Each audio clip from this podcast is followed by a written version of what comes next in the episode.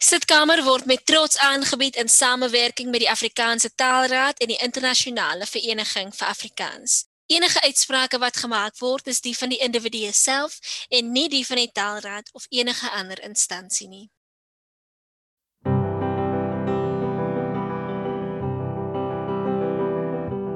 Dames en here, vergun my om u voor te stel aan Breiten Breitenberg. Ons is nie alleen nie, sê Jock Silverstein. Ons besef aldag meer ons gesamentlike aandeel in die lot van die mense. Bly by my met jou wit uiltjie sodat ek vergeet van my afstand. Bly by my wanneer die aarde se onderlyf skeur en my klein eiland. Niks anders skiet my binne as jou regheid in die oë te kyk. Is soos 'n ver van Ter ek dit sit in die nade trek los. Waarteen waarsku ons so. Ek is wat ek is.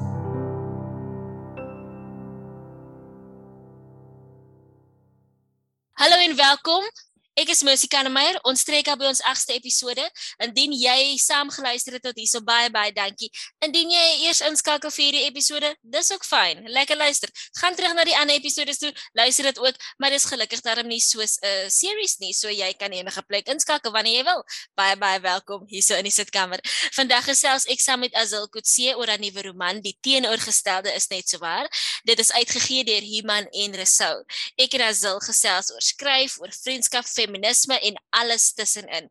Dit was vir my so so so lekker om saam met Azil te gesels. Sy is een van my baie goeie vriendinne en op 'n call het ek vergeet dat ons besig is om te record want dit het gevoel ek hang net uit saam met 'n vriendin.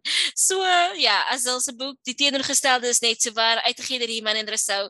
Indien jy dit nog nie gelees het nie, gaan kry dit. Dit is ongelooflik lekker lees. Dit sal ideale vakansie leesstof vir jou wees. En enige iemand kan dit lees. Kry dit vir jou ma, jou pa, jou broer, jou boyfriend, enige enige enige iemand. Hierdie is Azil Kutse.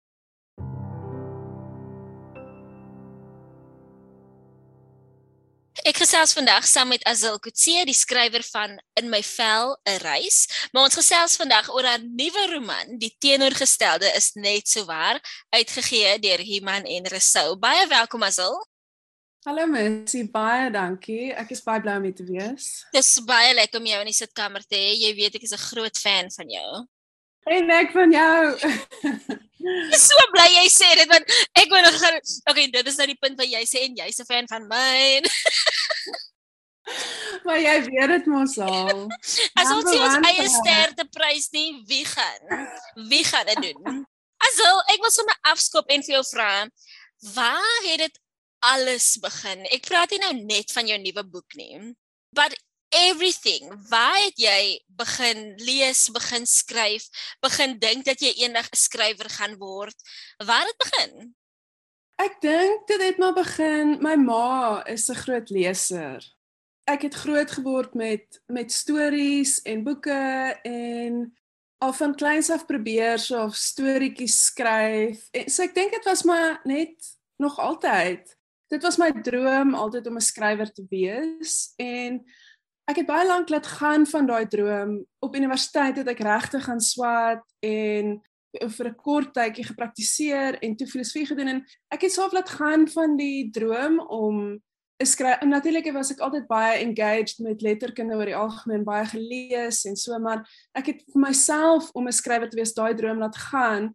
Ek dink omdat ek gedink het dis so half too far fetched dat dit nie Hmm. sal gebeur nie of dat dit nie sal uitwerk nie en so elke elke nou en dan as ek daaraan dink dat ek nou twee boeke uit het dan kan ek dit amper nie glo nie en ja so dit het nou net skielik weer so 'n moontlikheid geraak so ja Hmm. baie bly Vertel vir ons van daai eerste oomblik toe jy wanneer het dit ingesink, daai eerste oomblik, wow, ek is 'n skrywer.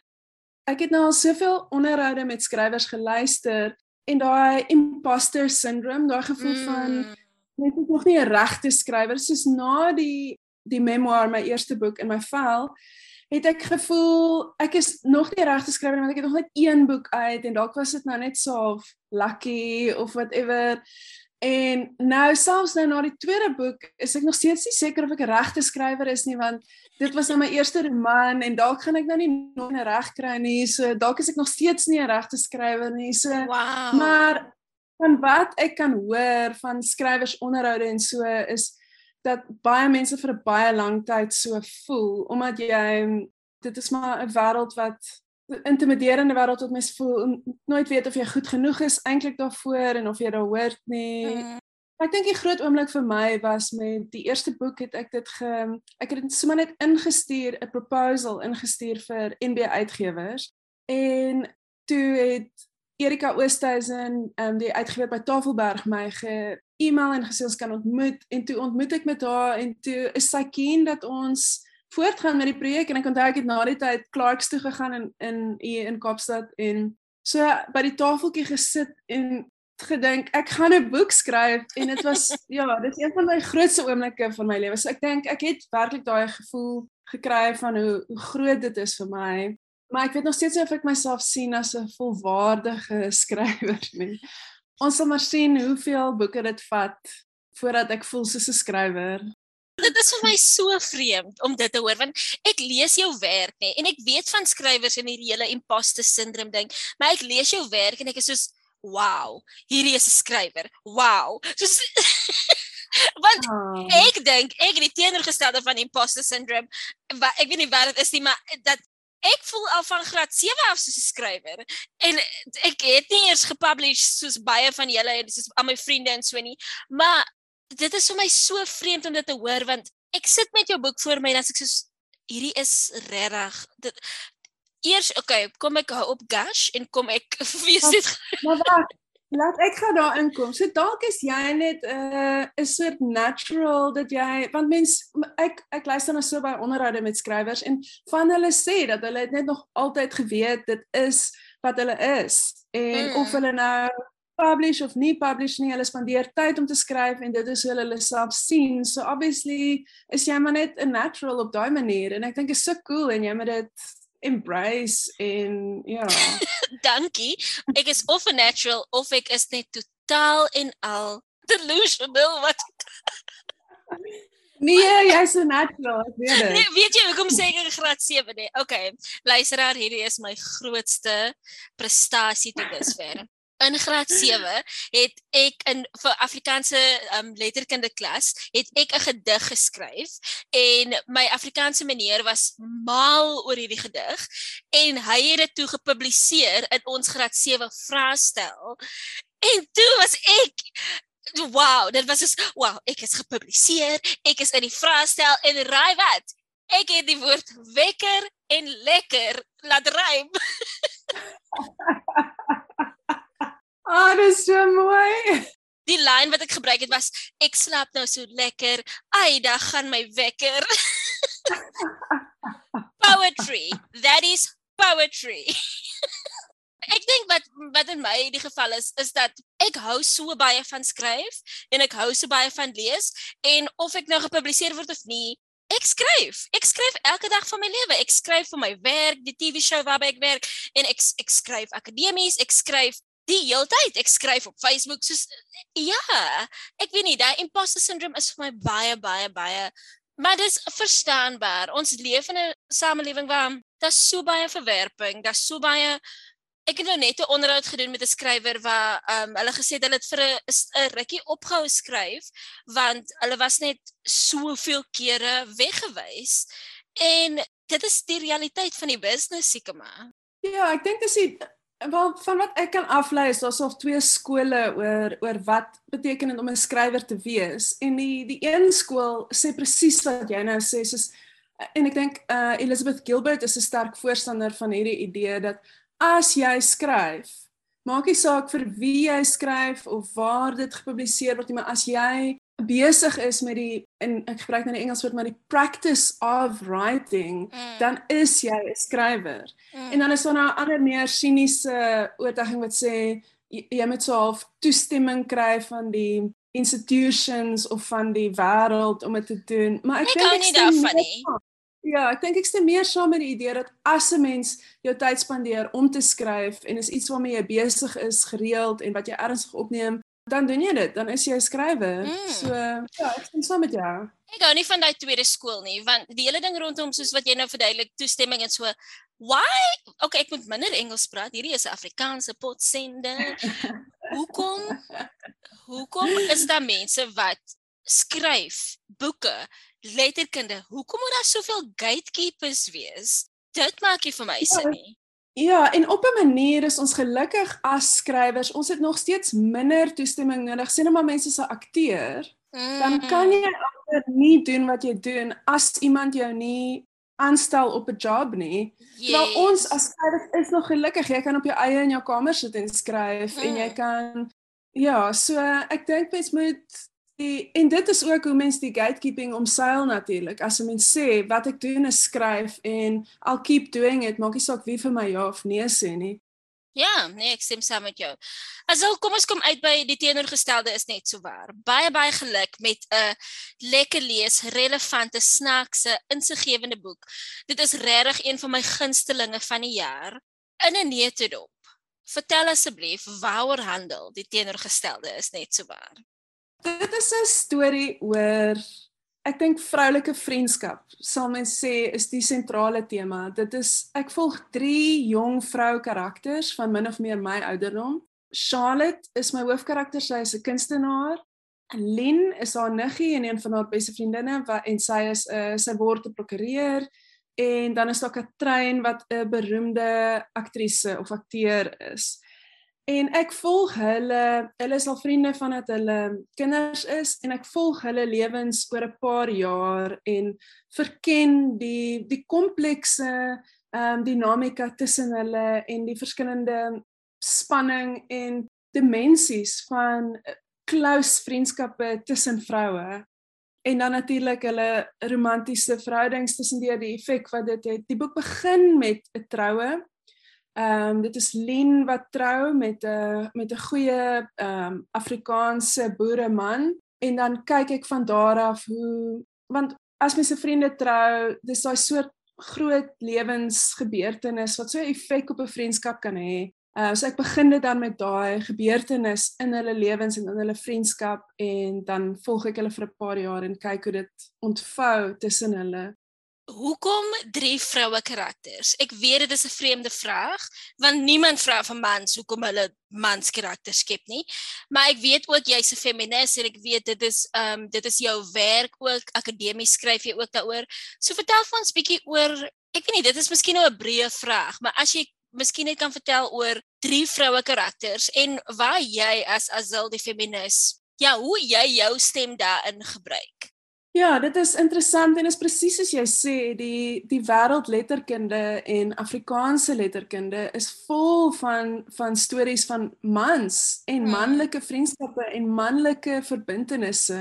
En dan die oomblik as mense 'n boek skryf wat jy die wêreld vanuit 'n veral 'n jong vroue perspektief bekyk mm. en fokus op verhoudinge tussen jong vroue en met wie ewer anders hulle verhoudings aanknoop of verbintenisse aanknoop dan is dit skielik uh word dit gesien as word baie maklik gesien as 'n vroueboek of as iets. So dit is 'n interessante ding dat dit dit word nie so baie gedoen nie. In die Afrikaanse letterkunde is dit natuurlik al gedoen deur skrywers soos Marita van der Vyver, mm. Ingrid Winterberg, klomp van hulle, maar dit is amper al 'n generasie terug. Ons het lanklaas nou so 'n soort roman in ons generasie gesien, geskryf deur 'n jong vrou met jong vroue. So deel van dit was omdat ek 'n feminis is en omdat ek my perspektief as jong vrou ernstig opneem en interessant vind, was dit vir my interessant om om dit deur 'n literêre lens te verken. En dan dink ek ook ek is gelukkig ons is gelukkig in terme van die die tyd in wêreldletterkunde dat as mens dink aan die aan vroue skrywers wat nou iemand soos Elena Ferrante wat hierdie die, vier boeke oor vrou vriendskappe tussen vroue. Ehm um, die obvious voorbeeld is ook Sally Rooney, uh selfs Sadie Smith se nuutste roman of wat nou 'n paar jaar terug al uitgekom het, maar dit gaan oor tematiseer vroulike vriendskap. So op 'n manier is ons nou voel dit op 'n punt in letterkunde wat die literêre wêreld meer ontvanklik is vir so 'n soort storie en bereid is om dit meer ernstig op te neem. So dis in daai gap in wat ek probeer skryf het in Afrikaans en in ons generasie en wat hoe dit dan aanpas by wat aangaan in letterkunde oor die wêreld. Ek hou van wat jy sê dat dit is 'n dit is 'n boek met drie vroue karakters, maar dit is nie 'n vrou, dit is nie net vir vroue nie. Dit is nie soos 'n chick flick boek nie. Ja, en ek dink daar is natuurlik daar's niks fout met chick lit en daai soort, ek bedoel ek is ook 'n fan. Mm. Ehm uh, maar daar is 'n baie maklike geneigtheid om sodra mens skryf oor vroue en verhoudings om dit baie maklik af te wys as genre fiksie wat nie ernstiger oorweging verdien uit die literêre wêreld nie. So ja, dit is maar 'n uh, dis 'n interessante tyd om in te skryf en dit gaan Mm. Interessant wees om te sien uh watter pad hierdie boek loop. Ja. Ek hou van wat jy sê want en ek ek wil net vir jou vra waar kom daai hele ding vandaan, maar ons weet dit kom van die patriargie af. Dat Yes. uh, ons moet daaraan raak, ons moet daaroor praat. Ek weet ons is al uitgepraat oor die patriargie, maar dit is oral waar jy kyk. Ja, en die die idee dat die letterkunde is is maar 'n manlik, dit bly 'n manlike wêreld ook in Afrikaans. As jy dink, so ons het nou veral in die digkuns dat klomp jong vroue die die veld betree. Hmm. Maar as jy kyk na die ernstige letterkunde in Afrikaans, sure, ons ons het ook ons groot vroue skrywers, maar dis verder is dit oorwegend mans wat inkom en wat ernstig opgeneem word. So absoluut 'n patriargale ruimte om in te tree. En hoekom? Hoekom dink al hierdie mans ons wil luister na wat hulle te sê het? Wel, ek dink dis histories. Die idee dat dat mans is die draers van ernstige kuns, van ernstige Mm. denke en dat ons as vroue net nie so so diep en so ernstig en so kunstig kan wees nie. Jy weet ons ons ons grap nou daaroor en ons praat nou baie ligtelik daaroor en as hulle dan gaan dalk iemand wees wat hierna luister en dink ag nee Mercy en as hulle julle leef nog in die 1920s dis glad nie meer nie meer die geval nie. Vroue is al lank al op die voorgrond. Ja wat sê mense vir so iemand So dit is eintlik uh die vorm van feminisme wat baie prominent is in die Afrikaanse kultuur weer eens. En ek is nie seker hoekom nie, maar so waarvan hulle praat daar is postfeminism. Die idee dat feminisme se werk is klaar gedoen, dat ons is nou gelyk en ons moet ophou klaar want ons is ons is klaar gelyk. en om een of ander rede in Afrikaans in die, en ek dink is veral 'n wit middelklas Afrikaanse idee dat dit die geval is. Ehm uh, maar dan dan kyk mens na die wêreld waarin ons leef en as ag as jy net kyk na die seksuele geweld, as jy kyk na die ongelykheid in terme van hoeveel mense betaal word, daar's 'n duisend maniere hoe dit baie van selfsprekend is dat ons nog nie baie plek is waar feminisme so sukses behaal het en waar ons nou gelykheid gekry het nê. Mm. Maar dit is 'n interessante ding in ons in hierdie spesifieke kulturele ruimte, die idee dat ons is klaar gelyk. Ja, dit is interessant want ons is eintlik ons is baie ver daarvan af. En hierdie is nie 'n uh, dit is nie oordeel teenoor enige vroue skrywers nie. Dit is fantasties dat daar soveel vroue skrywers is en dat daar nog jonger stemme die ruimte betree. Daar's net nog regtig baie werk wat voor lê. Ja, ek stem saam en ek ek dink ons het, is nou in 'n interessante tyd in Afrikaans wat ehm um, vir ek dink veral in die klomp jong digters, jong vrou digters wat inkom. Ja, dit is 'n baie exciting tyd en mens hoop dat ons van hier af 'n nuwe psaaf hoofstuk kan dat dit nie net jou twee of drie ehm um, vrou superstars is nie, maar dat die, die hele Hmm. veld meer gelyk is. Ja, en ek sien ook uit na 'n tyd waar dat daar nie meer so erg gefokus word op die binaries nie, want ek wil non-binary skrywers lees ook. Ek ek ek wil ook meer queer letterkunde lees en ek wil nie want dit voel soos werk. Dink jy nie ook okay, dit is jou actual werk, maar voel dit nie vir jou ook soms soos werk om ek wil nou 'n vroue skrywer lees. Ek wil 'n man skrywer lees en dan is dit soos al hierdie sosio goeters wat jy in jou kop moet hou die hele tyd want it's a job. Ek weet nie of dit nou sin maak nie, maar ek dink al wat wat ek probeer sê is net dat ek sien uit ook om meer queer letterkunde te lees en meer veral ook non-binary letterkundes want hierdie mans en vroue ding is draining soms, ek jammer. Ja, en weer eens in Afrikaans het ons 'n sterk tradisie van gay manskrywers. Ek hmm. dink aan ehm um, Eben Venter, ek dink aan Essie Nadia, klomp van hulle wat Henny Oukamp, Johan de Lange, maar baie min met vroue, ehm um, wat queer vrou letterkunde en dan ek weet nie is daar enige non-binary skrywers in Afrikaans op oomblik. Mens ja. Ek wonder dit sal lekker wees om ja. nogals te gaan soek daarvoor om om te kyk wie is dit want okay daar is 'n paar gay vrou. Ek wil ek is so bang om name te noem want ek is so bang ek oud ja. iemand. Ja. Maar as jy 'n paar wat mense nou van weet wat hulle self uitgedruk het en gesê het ek is gay, maar dit sal nogals ja. interessant wees om te gaan kyk na waar waar is die ander queer stemme. Ek dink uit 'n jonger generasie het kom maar nou meer queer stemme, maar uit so klein 'n bietjie ouer is ek nie heeltemal seker nie. Ek sal my huiswerk gaan doen, liewe luisteraar. Ja, dis ja die classic John Hambidge. Mm. Ehm um, Jean Gosen.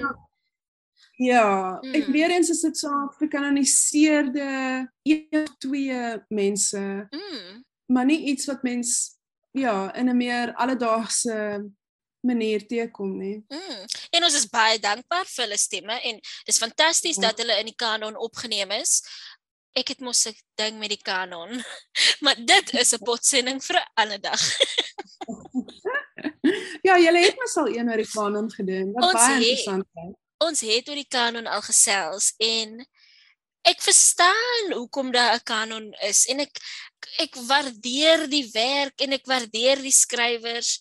Maar dis daai gesprek wat ons nou 'n bietjie vroeër nou gehad het nou net. Dis dit voel soos gatekeeping. Dit voel jy kort toestemming, jy kort jy moet aan sekere goederes voldoen om in die kanon opgeneem te word. En ek verstaan dit. Ah, dit is maar net en ek wil ek wil nou nie so negatief wees nie. Maar ja, ek dink dit lyk vir my soos 'n oomblik wat dinge bietjie oopgaan en die uitgewers wat ek ken is baie is in beginsel baie opgewonde oor om dinge bietjie oper te kry. Mm. So mm. Ja, ja daar's great uitgewers op die scene. Lewendige vars mense, denkers en dit dit maak my baie opgewonde. Ja, absoluut. Asal jy het 'n bietjie geraak aan die temas rondom jou boek, maar ek wil graag hê jy moet vir ons meer van die temas vertel. Wat het jou tot hierdie spesifieke temas gelei en hoe voel jy as skrywer daaroor wanneer lesers hulle eie temas op jou werk plaas? Sure, dis 'n baie interessante vraag. Okay, kom ek dit sê twee dele. Die mm. eerste deel is ehm um, watter temas dink ek is in die boek. Hmm. Ehm um, ja, so die grootste een is vroulike vriendskap. Is wat op 'n manier in die baie boeke as mens as vrou skryf en vroue karakters in boeke baie keer is dit in die konteks van romantiese verhoudings en spesifiek heteroseksuele romantiese verhoudings. Maar op 'n manier is die ehm um, verskynsel van vroulike vriendskap so interessant omdat dit dit is gewoonlik strek dit oor langer tye as romantiese verhoudings. Ek bedoel ons het hierdie lewenslange vroulike vriendskappe. Dit is iets wat verander oor mense leeftyd. Dit is iets wat baie moet aanpas by mense verskillende lewensbesluite. Dit is so vroulike vriendskap is hierdie dinamiese, resilient, ehm uh, vloeibare, interessante ding en dit is veral wat ek wou verken. Uh maar dan verken ek natuurlik ook romantiese verhoudings en seks en omdat dit vir my as jong vrou is dit 'n sentrale deel van my lewe. So ek kyk ook na wat dit beteken om binne die raamwerk van ja, die gevestigde ons wêreld wat beteken dit om lief te wees vir iemand? Hoe gaan ons om met die die simbole en die strukture van van liefde met die huwelik, met monogamie, met seks, al hierdie dinge wat daar is baie spesifieke verwagtinge en strukture en idees en as jong vroue wat hierdie wêreld navigate, hoe doen ons dit? Hoe hoe vind ons onsself in die bestaande strukture? Hoe uh, bied ons weerstand teen die bestaande strukture en so? Ehm um, dan kyk ek ook bietjie na kuns. Daar my hoofkarakter is 'n kunstenaar en sy doen 'n paar baie interessante projekte of projekte wat vir my ten minste baie interessant is en daardeur verken ek dan ook temas soos ras en klas en uh die patriargie verder. Ehm um, ja, ek kyk na heteroseksualiteit, queerness, daar's 'n paar temas. ja, die tweede deel van my vraag is hoe voel jy daaroor wanneer lesers hulle eie temas op jou werk plaas? Ek dink dis 'n wonderlike ding van fiksie skryf is en dit is iets wat ek as leser baie bewus van is is 'n skrywer sit 'n boek uit in die wêreld en dit is myne om te doen met wat daarmee wat ek wil. Hmm. Natuurlik kry mens beter interpretasies en slegter interpretasies. Soms is 'n interpretasie ongegrond of wat ook al. Uh maar solank mens ek dink jou interpretasie kan grond in die teks, kan jy doen met dit wat jy wil en dit is die fantastiese ding om vir my nou as skrywer om iets te kan skep wat mense verder vat, hmm. wat hulle in hulle eie lewens toepas wat ek dink is 'n absolute voorreg om daai soort connection met mense te kan maak dat hulle want hulle kyk basies vir 'n paar dae in jou kop in terwyl hulle die boek lees en dan vat hulle as jy gelukkig is as as jou werk resoneer diep genoeg resoneer met mense dan vat hulle dit ergens heen in hulle eie lewens en ja ek dink ek voel altyd ongelooflik bevoorreg en gelukkig as iemand na my toe kom en sê hoe iets hulle geraak het of hoe 'n impak wat 'n idee op en selfs al het ek dan nie self so daaraan gedink nie is dit ja, ek voel altyd net baie gelukkig om so 'n rol te kan speel in mense se mm. lewens. Ja, wanneer jy laat mense dink. Wat ek vir jou ook wou vra, so jy obviously jy is is is is, is jy in die publieke oog as 'n skrywer en jy het sekere ek probeer nou die woord woke omseil want ek weet dit is 'n woord wat nie wat almal nie waardeer nie. Maar kom ek sê dit maar net want ek weet nie waar toe ek nou wou seil nie. Jy is woke, right? Hoe voel jy daaroor of nee, kom ek vra eerder het dit al met jou gebeur dat mense jou werk beperk tot sekere temas? Of is jy bang dat dit eendag dalk met jou gaan gebeur want jy is 'n feminis, jy, jy skryf oor feminisme, jy praat oor die patriargie, jy praat baie oor wit wel sê ek nou, want dit so hoe het dit met jou gebeur? Hoe voel jy daaroor? Daar's 'n woord daarvoor vir as iemand jou ek wil nou 'n woord sê maar ek sê ek sê heeltemal die verkeerde woord. Pigeon toe. Is dit 'n woord? Pigeon hole dink ek. Is die Sê ek gaan die verkeerde woord sê. Wel, class enough. Class enough. Ons probeer. Ja, so hoe is jy bang daarvoor? Hoe voel dit vir jou? Is dit iets waar waarvoor jy op die uitkyk is? Ja, so ek dink die risiko is daar dat mense werk gereduseer word tot 'n paar issues wat mense dink jy verstaan en dan lees hulle dit net daarvoor en jy word self gesien as die ek wil net sê poster boy, maar poster woman vir issues. Uh en dis absoluut dink ek 'n soort gevaar wat ek loop omdat ek ook nie fiksie skryf, omdat ek ook soms mm. rubrieke skryf, omdat ek akademies skryf. Ek dink hoe ek dit probeer omseil of teenwerk is nou met hierdie boek het ek werklike sterk karaktergedrewe narratief geskryf. Dit mm. ek probeer om iets te skryf dat wanneer jy dit lees dit gaan nie lyk like of ek vir jou probeer 'n uh, lesing gee oor die heteropatriarchy of wat ook al nie. Ek het probeer om karakters te skep wat jy so mee kan identifiseer of wat so wat jy so kan sien. Al kan jy nie self met hulle identifiseer nie, al kan jy hulle net sien, al kan jy hulle herken van mense soos mense rondom jou of wat ook al dat dit werklik 'n storie is wat jou intrek en wat jy volg en dat dit dit vir jou reël raak op daai manier. En dan natuurlik is daar temas en dinge in enige iets wat 'n mens skryf, maar dat dit nie die hoofdoel is van die boek enigstens nie. So dit is wat ek probeer doen, het daarmee en sover ek kan aflei van die terugvoer wat ek kry van mense is mense kom nie na my toe en sê o, jy het Queerness so interessant hanteer nie. Mense kom na my toe en sê, "Ag, ek is verlief op Charlotte of ek is kwaad vir Katrein of so ja, dit is wat ek probeer doen het daarmee in die uitgewer het my ook baie sterk gedruk in rigtings om te sê nee, wat sal hierdie karakter nou doen eerder as wat is die idee wat ek wil insit. Dis nice. En ek vra daai vraag uit pure selfsugtige redes uit want ek het begin werk in die bedryf en dit was nadat ek daai dokumentêr oor Afrikaans gemaak het en ek het aanvanklik baie oor Afrikaans geskryf en mense het my toe begin 'n kampvegter of 'n taalvegter wat ook al begin noem en ek was jonk. Ek was ja.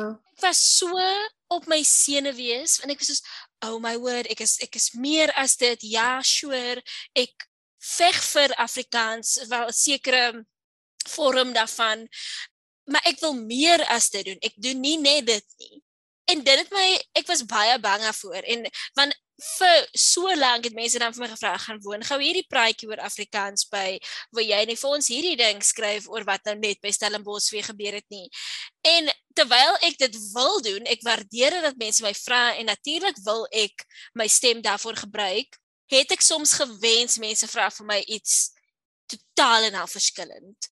En ek glad nie ondankbaar nie, maar 'n mens mense sien jou as een ding en dan o, jy's daai meisie wat hou van Afrikaans. En dan sê ek soos ek het eintlik drama geswaat en ek is eintlik 'n skrywer en regisseur. Ja, ek verstaan wat jy bedoel dat mens dan jy word baie maklik die soos wat met jou gebeur het, jy word baie maklik die poster woman vir 'n issue en dan wil mense jou daar hou. En op 'n manier is daar ook iets maklik daarin want jy kan gevestig word as 'n persoon en dan weet jy jy kry klomp werk wat daarmee jy word so 'n bietjie van 'n expert en mense hanteer jou as bietjie van 'n expert. Maar soos soos wat jy doen is iets wat ek ook probeer doen. As mens aanhou om jou werk te push en vir jouself daai vryheid te gee om te eksperimenteer om jou werk en dit wat jy skep en dit wat jy doen te laat verander en te laat groei ja, dan dink ek nie dit is so maklik om iemand te pigeonhole nie. En dan en dit is wat jy gedoen het en jy het belangrike werk gedoen met die so bly jy het dit gedoen. Maar toe het jy daai ding weer getranscendeer ook met omdat jy soveel ander goed daarna gedoen het, soveel verskillende goed daarna gedoen het. So ek dink dit is die ding dat as mens belangstel daarin om 'n kampvegter vir 'n issue te wees, is dit great en you can do it en daar's 'n soort gemak daarin. Hmm. En dan as jy mens belangstel om dit nie te doen om net vir jouself te doen om ander goed te doen en te eksperimenteer en ek dink jy doen dit so so so goed. So Dankie. Ja, ek verstaan wat jy bedoel. Dankie. Weet jy hoekom ek ook daaraan dink, nee, toe jy daai podcast gedoen het vir Netwerk 24, het ons ook oor um, Afrikaans gesels en ook luisteraar indien jy nie weet nie Azil het 'n podcast gedoen op Netwerk 24 en ek was een van haar gaste. En eh, een van die vrae wat jy vir my gevra het wat ek dink nog steeds aan want ek dink nie ek het dit op daai stadium baie goed beantwoord nie want ek was seker maar bietjie in denial of ek wil nie glo dat dit waar kan wees nie. En jy het vir my gevra iets in die lyn van of ek bang is dat mense my stem of my werk koopteer om by hulle eie agendas yes. aan te pas. En ek kan nie ek, ek, ek weet dit ook na die tyd daaraan gedink het en toe ek gaan luister na wat ek gesê het, kom ek agter, okay, jy het hierdie vraag baie, baie goed beantwoord nie, want ek wil dit nie glo nie. Dis maar nou seker weer 'n naïewe ja. ding wat wat ek doen, wat ek wil nie glo dat iemand dit sal doen nie. Kyk, ek dink hoe hierdie hierdie dinge werk, soos wat mense nou sien met die taaldebat by Stellenbosch Universiteit, is daar's baie konservatiewe agendas aan die gang en dan kan 'n meer konservatiewe faksie in die debat kan dan baie maklik jou stem gebruik en sê maar kyk selfs Mercy my stem saam met ons. Mm. So ek dink dis die soort ding wat met allerlei issues oral baie maklik gebeur, maar ek dink wel jy bied baie sterk weerstand daarteen om en juis omdat jou werk so soveel verander, so dinamies is, so eksperimenteel is dat mens kan nie jou met die tyd wat verloop het, dink ek as mens nou want daai jou dokumentary is nou hoeveel jaar oud? Wanneer het dit uitgekom? O, 2017. Ja, so dis nou 4 of 5 jaar later en Mm. ek dink mense kan sê dat jy daai werk gedoen en jy het resist dat mense dit in in rigtings vat waarmee jy nie saamstem nie Ja, en nee. werk staan vir wat dit staan met jou stem baie sterk in die middel daarvan. So ja, en ek dink dis omdat jy jou nie laat pigeonhole nie. Asal ek weet nie hoe hierdie nou 'n uh, episode oor my geword het nie. maar baie baie dankie vir dit wat I'm jy here for it.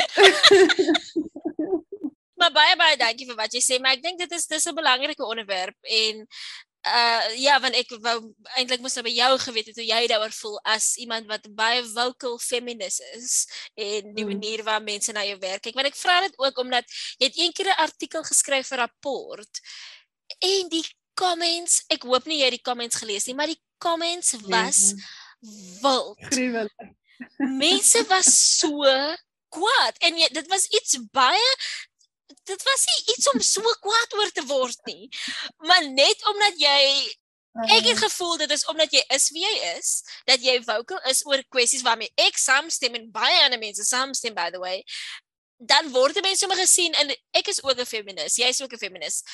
Jy word sommer jy's sommer nou 'n mannehater of jy's nou sommer angry en Ja, dit is vir my so vreemd en vir mense wat sê ek's angry, ja, ek is angry. En as jy nie kwaad is nie, dan het jy nie aandag gegee nie.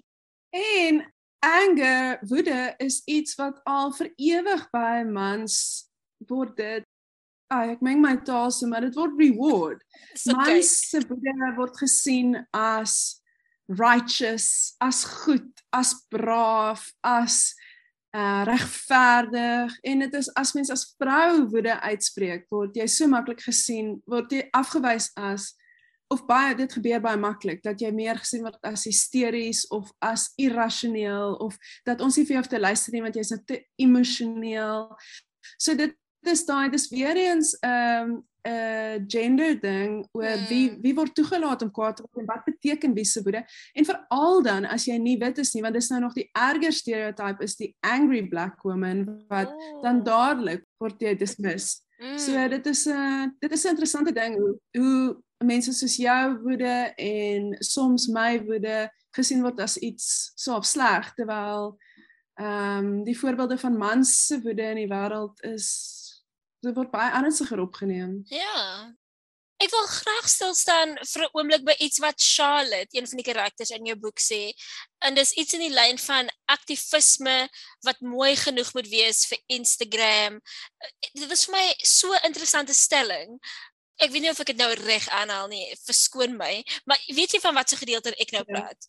Skoonheid Ja, wat ek weet ge- gekoopteer word deur kapitalisme. Kan ons Ja. 'n bietjie daaroor gesels want dit is 'n baie relevante ding veral in die tye waarin ons nou leef waar aktivisme meer na sosiale media toe begin beweeg het. Ja, dit is so en die in die tyd wat ek daai deel geskryf het was juis met toe toe Black Lives Matter weer opgeblaas het op social media net Mm. na uh, George Floyd se dood. Toe dit dit was te huge op daai oomblik. Yes. En wat toe gebeur het is daai onthou jy daai insident wat mense op Instagram die swart square Mm. gepost het.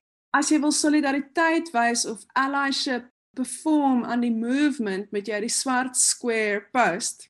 En toe na die tyd was almal weer kwaad daaroor want klomp wit mense wat glad nie iets te doen het met die movement nie, het die square gepost en dit het die actual organizing op die grond in Amerika sleg beïnvloed op daai oomblik.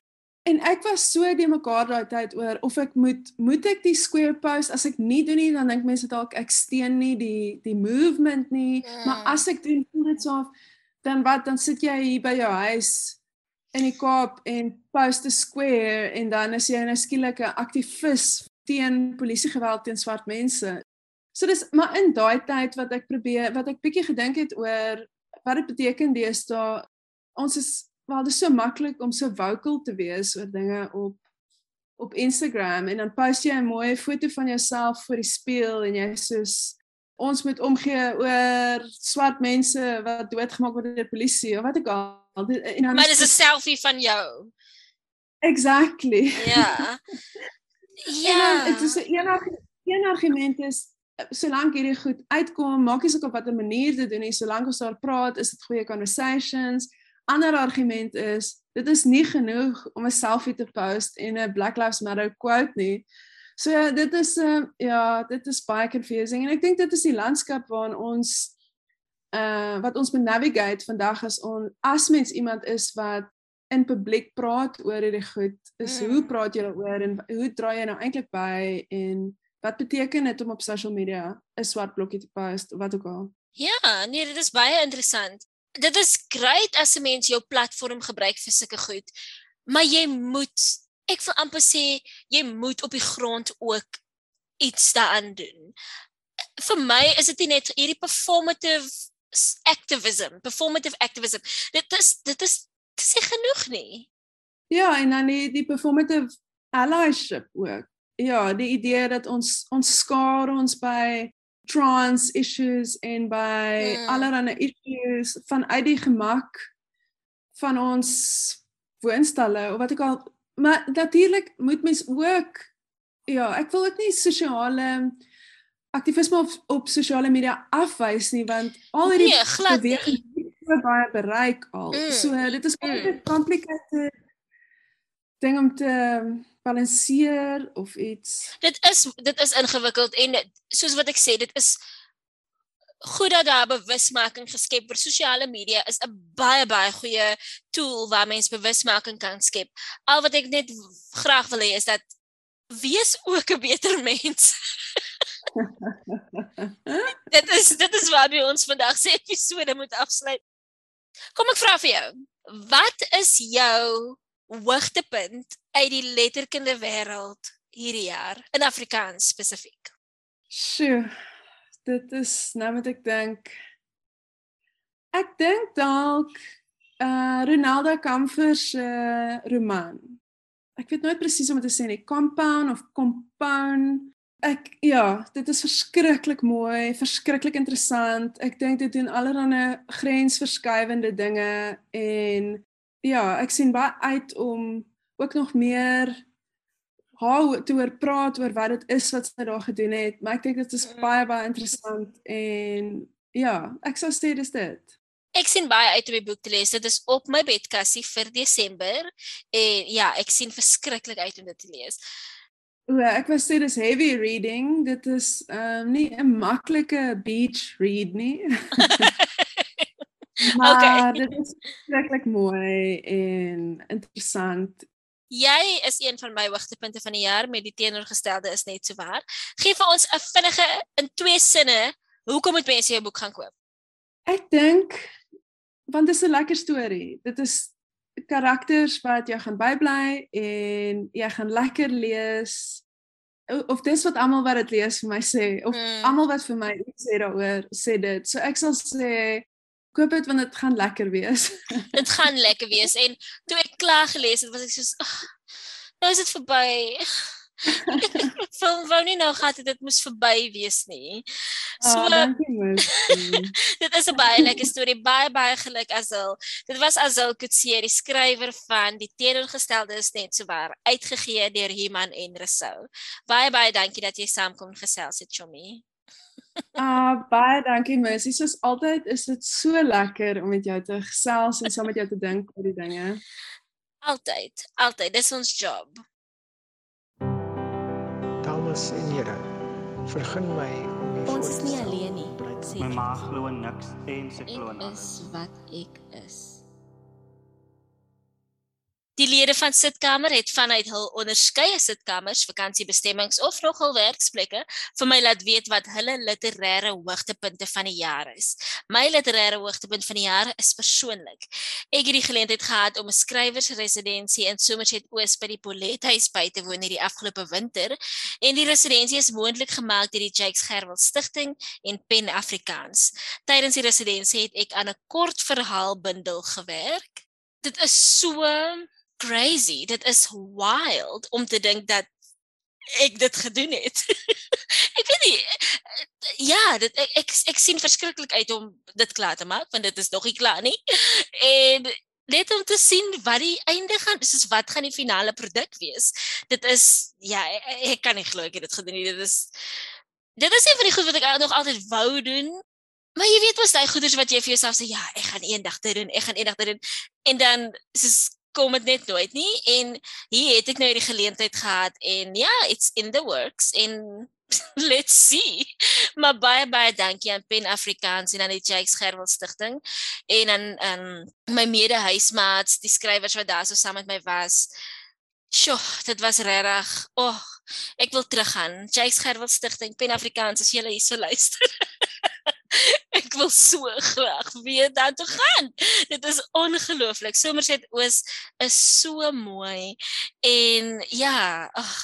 Maar okay, dit is dit is nie die enigste gedeelte van my hoogtepunt nie. Daar's 'n nog 'n aspek tot my literêre hoogtepunt. Oh, maar is hierdie narcissisties dat ek net oor myself praat?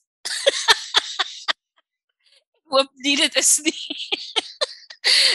dit is uh, lees luister oor my leser leser indien jy na hierdie podcast lees luisteraar okay kom ek wees ernstig luisteraar dit is nie narcissisties nie ek is net regtig opgewonde want dit was 'n baie moeilike jaar dit was regtig uh, oh Ooh, ek ek het nou letterlik koue rillings gekry. O oh, nee, ek kan nie eers daaraan dink nie.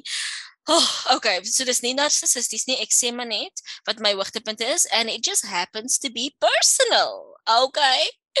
Maar my die ander aspek van my hoogtepunt, nou kan ek nie myself meer ernstig opvat nie want nou het ek nou, nou dink ek altyd, oh, almal gaan nou dink ek dink so baie van myself, which is not the case. In fact, ek wens ek het meer van myself gedink.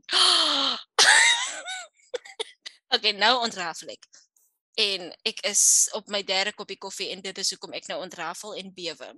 My ander hoogtepunt is dat ek en die ander skrywers onder leiding van Andries Besidenhout 'n plaat met poësie opgeneem het. Andries het vir ons musiek geskryf, hy het dit gemix, hy het dit geëdit, hy het dit gemagic en die plaat is beskikbaar en dit is derde golf. So ja, die ander skrywers betrokke is ek natuurlik en dan Andries Besaidnout, Sylvia Okhuis, Lydia Gittens en Walda Jansen. Die plat is beskikbaar op alle streaming platforms. My kortverhaalbundel is nog nie beskikbaar nie. want ek het dit nog nie klaar geskryf nie. Okay? Hou hierdie spasie dop watch the space. Dit is maar net 'n cool ding wat mense in die bedryf sê. so dit is wanneer iemand besigger wil lyk like, as wat hulle actually is. Dan sê hulle watch the space. But anyway, I digress. My hoogtepunt was die Polettes. Dankie die Jakes Gerwel Stichting. Dankie aan Pen Afrikaans. En ja, kom ons luister wat sê die ander mense in die sitkamer. Wat was julle hoogtepunte?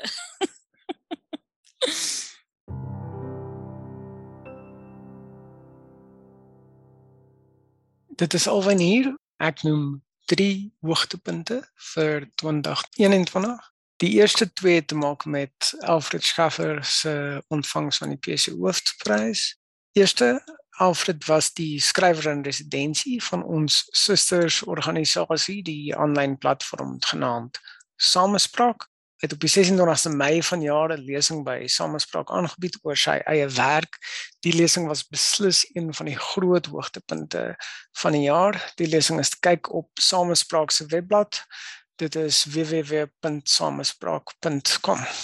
Tweede, die bestuur van die Suid-Afrikaanse Vereniging vir Neerlandistiek of die SAVN het besluit om 'n spesiale afletskaffer lesingreeks in te stel wat elke 3 jaar sal plaasvind. Die eerste lesing fokus op die Suid-Afrikaanse Nederlandistiek en die tema van die lesing sal verkieslik aansluit by Schaffer se kreatiewe of navorsingsoeuvre. Die eerste lesing sal plaasvind in 2023 en sal behartig word deur professor Andries Fisasi van die Universiteit van Stellenbosch. Laaste, maar nie die minste nie, my literêre hoogtepunte vir die jaar was twee tekste wat vir my uitstaan. Ingrid Winterbag se Voorouer Pelgrim Berg wat by Iman en Besou gepubliseer is en die verskyning van Hilda Smit se tweede digbundel Mag die diep slaap jou dan wat by Protea Boekhuis verskyn het.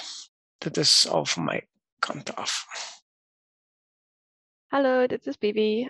as ek dink aan my hoogtepunte van 2021, dit is vir my 'n moeilike taak want soos vir baie ander mense dink ek was 2021 nogal 'n triestige jaar. Omdat dit 'n moeilike jaar was en ek het nie eers ek het glad nie so baie boeke gelees wat ek gewoonlik sou nie. Ek het maar net soos baie van ons probeer om dit van een dag tot die volgende te maak. Gaan ek nie eers probeer om objektief te wees en te sê hierdie was die beste boeke van die jaar of die mees opwindende literêre gebeurtenis nie. Ek gaan net deel wat vir my persoonlik die opwindendste was. En dit is dat twee van my baie goeie vriende boeke gepubliseer het. Die eerste is Karel van Rooyen, hy het die jeugroman Skeur gepubliseer. Dit is 'n apokaliptiese spannende jeugroman, jong volwasse roman. En as al dit sê is, as julle in die res van hierdie onderhoud hoor, het die roman die teenoorgestelde is net so waar gepubliseer. Baie lekker. Ek dink see vakansie roman. Nie om te sê dit is oppervlakkig nie, maar wel heerlik om te lees. Maar soos ek sê, ek is nie objektief nie. Dit was net wat vir my die opwindendste was. Ek dink ook omdat nie net opwindend omdat ek bly is vir hulle nie, maar ook as ek nou dit bietjie probeer meer uh intellektueel daarna kyk, was dit lekker om te kyk. Skryfwerk is nog steeds vir my, dit is hierdie toweragtige ding. Ek weet nie hoe iemand 'n wêreld uitdink en hierdie wêreld skep en hierdie karakters skep nie. Selfs al gee ek kreatiewe skryfkuns op universiteit, is nog steeds iets wat ek wonderbaarlik vind. So dit was ook net weer eens vir my ja, fantasties om te sien hoe hulle dit reg gekry het en hierdie goeie boeke geskryf het. Ek al het ek deur die jare gesien hoe hard hulle werk daaraan, voel dit vir my nog steeds as hoe hoe doen mense dit? Ek verstaan dit nie. So dit is ook hoekom dit vir my die opwindendste was. Hallo almal, dis Janine Linde hier. So my hoogtepunte vir 2021 is die volgende. Vroeg aan die in die begin van die jaar het Marius Kraus 'n nuwe digbundel vrygestel met die titel Tussenganger en dit is 'n baie interessante bundel. Um, ek lees al die hele jaar aan die bundel en ek dink ek gaan ten minste nog 'n jaar aan hom lees want dit is nie 'n een eenvoudige bundel nie, maar dit is 'n bundel wat daar vreeslik baie is om in te delf. En dit is 'n interessante en opwindende bundel, maar uh not for the faint hearted dink ek. Uh so ek gaan nog lank aan hom lees voordat ek die helfte verstaan van wat in die bundel aangaan. Dan 'n volgende uh, hoogtepunt van die jaar was die Afrikaanse Literêre Vereniging se kongres was wat van 15 tot 17 September plaasgevind het, die ALV kongres. Daar was 'n aantal baie interessante referate en ehm um, ek dink almal was baie opgewonde dat die kongres op die ou en kon deur gaan al was dit nou wel aanlyn. Ehm um, want ons moes dit 'n paar keer uitstel. Maar dit was 'n baie lekker geleentheid en ek dink dit was vir almal goed vir hulle siele op daai stadium so die die referate wat vir my uitgestaan het was ehm um, daar was 'n sessie oor wat spesifiek gegaan het oor Joan Hambidge en daar het Rike Stroo en Reinhard Fourie se referate my baie beïndruk en dit was baie interessant.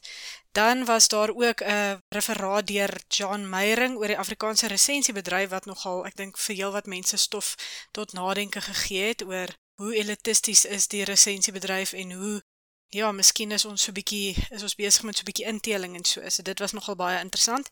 En dan natuurlik Rita Velski se hooflesing oor resonansie in die letterkunde was geweldig interessant. Ek dink 'n mens moet haar lesing nog ook so 3 of 4 keer gaan luister voordat jy alles vang wat sy gesê het. Maar dit het spesifiek gegaan oor die vraag van hoe resoneer literêre teks uiteindelik by 'n leser. So ja, dit was geweldig interessant. En dan sien ek baie daarna uit om op die strand te lê en Azul Kutse se nuwe roman Die teenoorgestelde is net so waar te lê en lees met die son wat lekker ehm um, bak en ja, hopelik kan ons al die aaklighede van die afgelope 2 jaar 'n bietjie afskud en ja, hopelik is daar heelwat om na uit te sien vir 2022. Ramona hier my literêre hoogtepunt van 2021 en dis 'n moeilike keuse om te maak omdat ons so baie wonderlike publikasies die lig gesien het hierdie jaar. Maar as ek moet kies, is my gunsteling werk vir die jaar Ryan Pedro se digbundel Pink Ceramic Hondjies wat en ek praat onder korreksie ook een van die mees bekroonde bundels van die jaar is. Nie net is ek mal oor die beeldspraak waarvan hy gebruik maak in die bundel nie, maar is ek ook opgewonde oor al die vernuwende elemente veral wat betref die gebruik van Afrikaans wat amper 'n nuwe soort Afrikaans daarstel. Ja, wat my baie geïnteresseer het en ek sien baie uit daarna om nog van sy werk te lees.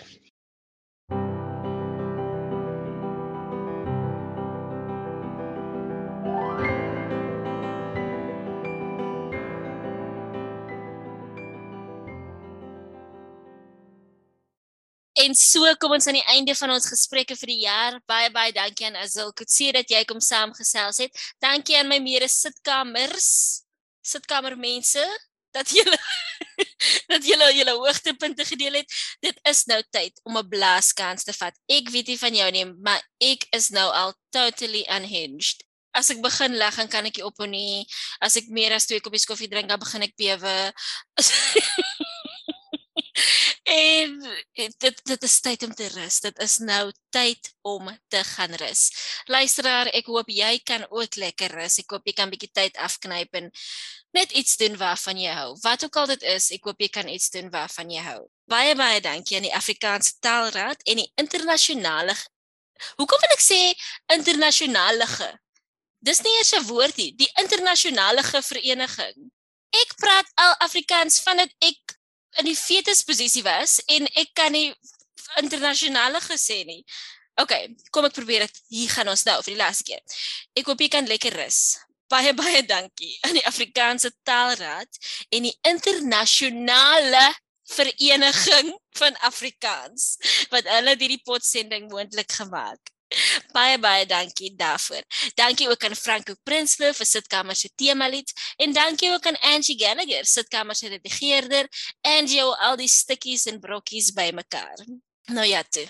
dit was 'n besondere uitdagende jaar en my wens vir almal is dat die jaar ons mooi en sag en met liefde sal behandel. Ek ek wil nou 'n bietjie in bubble wrap toe gedryf word en net ja, ek ek wil nou net ek soek sag. Ek soek sag sag sag soos almal moet net in hulle inside voices met my praat van nou af van ek ek kan nie meer nie. Maar anyway, geseënde Kersfees vir jou. Indien jy nie Kersfees vier nie, happy holidays. En ja, geniet die feesseisoen. Mag dit met jou baie baie baie goed gaan. Ek is Mercy Kannemeyer. Tot volgende keer. Totsiens. Dames en here, vergun my om u Ons is nie alleen nie. My ma glo niks en sy glo in Ek is wat ek is.